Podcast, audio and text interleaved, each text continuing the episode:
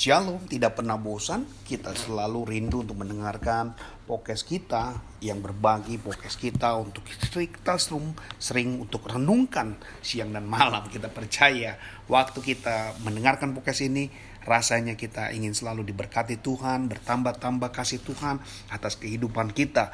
Kalau saudara diberkati, saya diberkati, maka kegenapan firman-Nya ya menjadi pasti banyak orang di sana justru merindukan penggenapan-penggenapan bahwa setiap orang yang mendengar firman Tuhan, hidupnya diubah. Barang siapa yang mendengar firman Tuhan, hidupnya jadi bahagia.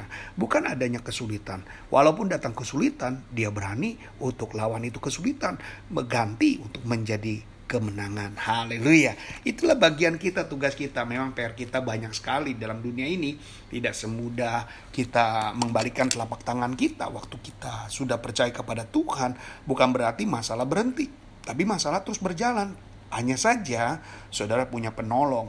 Yesus namanya. Haleluya. Hari ini saya boleh menyampaikan tentang dua pilar. Apa dua pilar itu?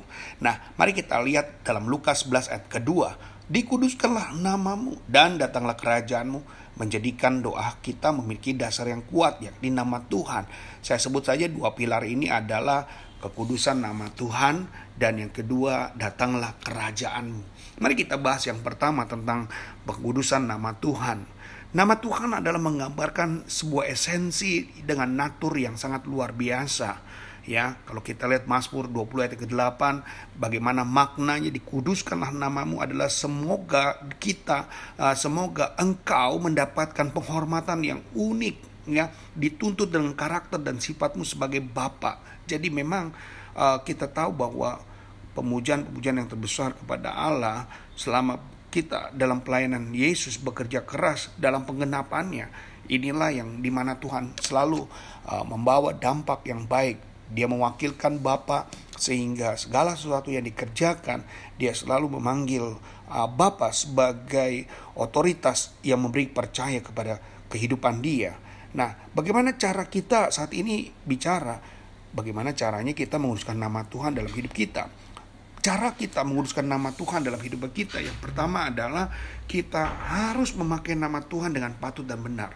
Kalau kita menggunakan nama Tuhan tidak dengan sembarang, menggunakan nama Tuhan bukan dengan sumpah atau asal-asalan, nah itu berarti kita sudah menguduskan nama Tuhan. Yang kedua, bagaimana menguduskan nama Tuhan? Hidupnya berubah sehingga kita mengeluarkan bau harum-harum Kristus dan mendorong orang akan mendekat kepada Tuhan. Jadi ada wangi-wangian yang keluar dalam tubuh kita, dalam hidup kita, dalam perkataan kita. Sehingga itulah yang membuat saudara mampu menguduskan nama Tuhan. Jadi selain sudah menggunakan nama Tuhan dengan patut dan benar dan yang kedua hidupnya diubah dengan menyebarkan keharuman Kristus sehingga membuat orang datang kepada Tuhan dan yang ketiga jangan lupa ya menguduskan nama Tuhan adalah kita harus memuji dan memuliakan nama Tuhan. Jadi kalau saudara ingin menguduskan nama Tuhan, bawa dia dengan pujian, dengan penyembahan saudara dengan benar.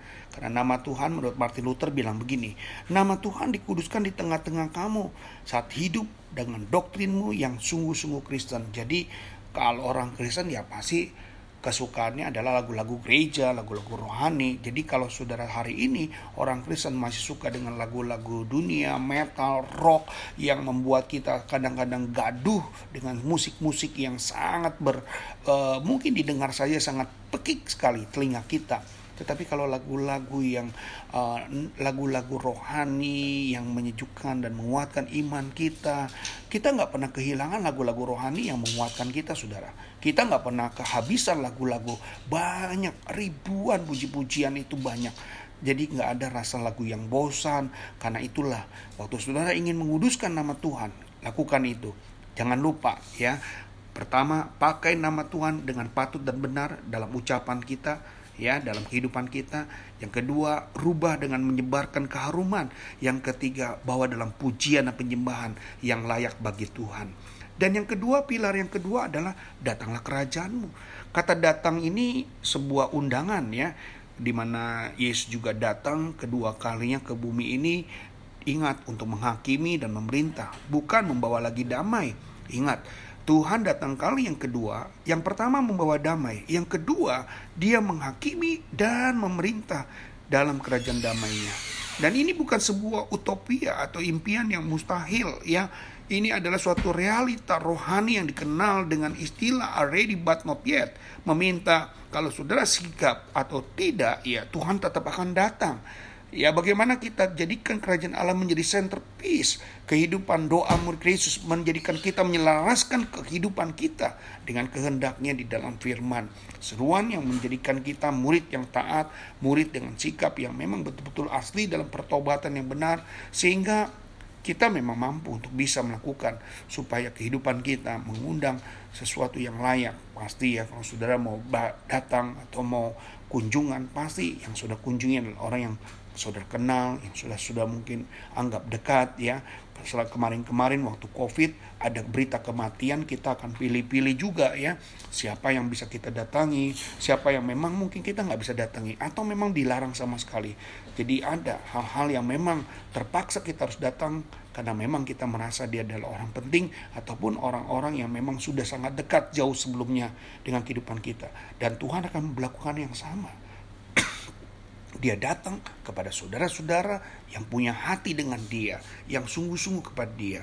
Sebuah permohonan yang setia untuk mengikuti Tuhan sampai akhir ini utama kebenaran dan kerajaan di dalam kehidupan kita. Dalam Matius 6 ayat 33 katakan, tetapi carilah dahulu kerajaan Allah dan kebenarannya, maka semuanya itu akan ditambahkan kepadamu. Sudahkah Anda membangun kebiasaan untuk kita selalu setia, selalu taat, dan mengutamakan kebenaran?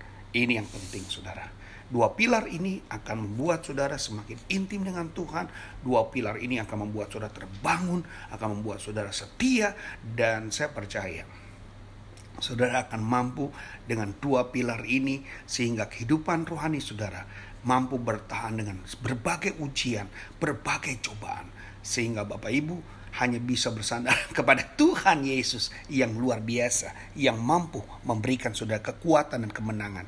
Itu saja kebenaran yang boleh saya sampaikan sehingga Bapak Ibu semuanya dengan setia memiliki dua pilar itu supaya saudara tetap bisa menjalankan kekristenan saudara dengan baik dan benar. Puji Tuhan, Tuhan Yesus memberkati. Shalom.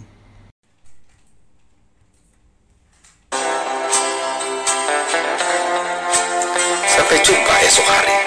Kiranya damai sejahtera dari Allah Bapa, kecintaan dan kasih karunia Tuhan kita Yesus Kristus, persekutuan serta penghiburan dari Roh Kudus menyertai kita sekalian mulai hari ini sampai Maranatha Tuhan Yesus